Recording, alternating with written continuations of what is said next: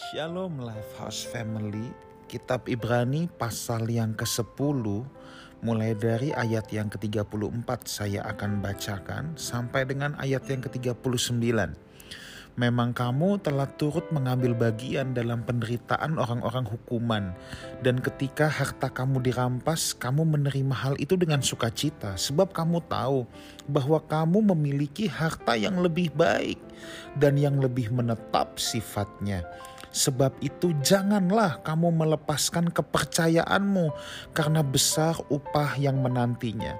Sebab kamu memerlukan ketekunan supaya sesudah kamu melakukan kehendak Allah, kamu memperoleh apa yang dijanjikan itu.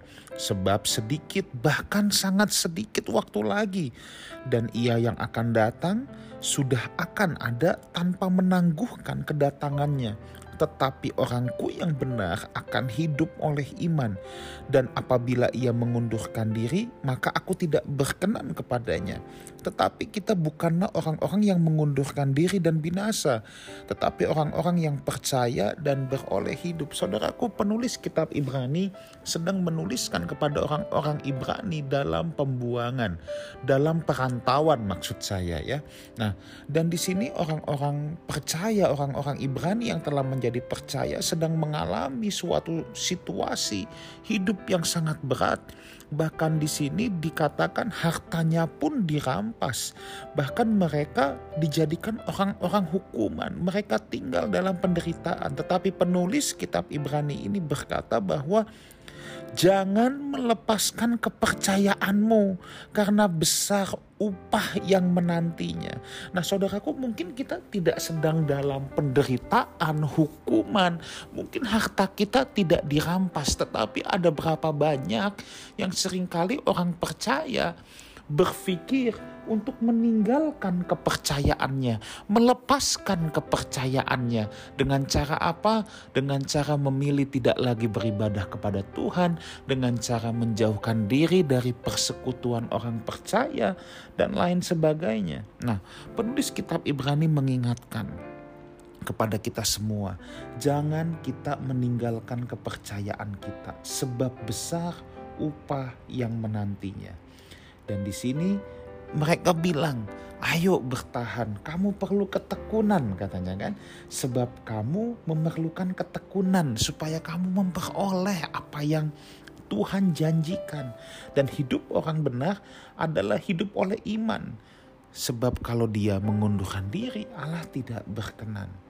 Nah, saudaraku, saya percaya kita bukan orang-orang yang mengundurkan diri.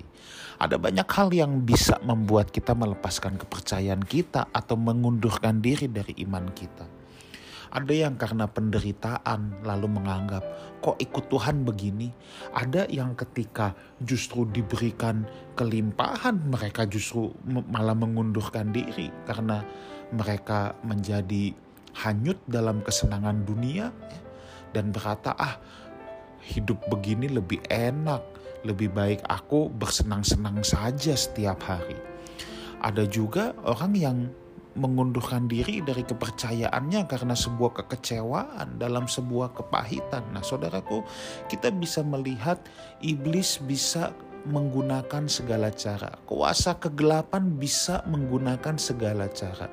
Baik itu kesenangan, baik itu penderitaan, baik itu kekecewaan atau apa pun.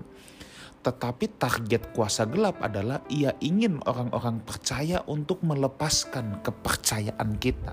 Ia ingin orang-orang percaya untuk mengundurkan diri dari imannya kepada Tuhan. Nah, Lifehouse Family, saya mau ingatkan untuk kita semua, untuk kita tetap berpegang teguh pada iman kita, untuk kita jangan melepaskan kepercayaan kita kepada Tuhan, jangan meninggalkan ibadah kita kepada Tuhan, sebab apa pun situasi yang sedang kita alami, Tuhan mengingatkan kepada kita, jangan melepaskan kepercayaan kita. Sedikit waktu lagi katanya ya, janganlah kita menjadi orang-orang yang mengundurkan diri, sebab bukan itu yang dikehendaki oleh Tuhan.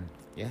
Jadi kita jangan sampai masuk dalam perangkap kegelapan, dia bisa menggunakan penderitaan, dia bisa menggunakan kelimpahan, dia bisa menggunakan kesenangan, dia bisa menggunakan kekecewaan, tapi ketahuilah target kegelapan adalah ia mau kita menjadi orang-orang yang mengundurkan diri dari iman kita kepada Tuhan. Tetapi Life House Community dalam segala keadaan berpeganglah teguh dalam iman kepada Tuhan Yesus. God bless you all.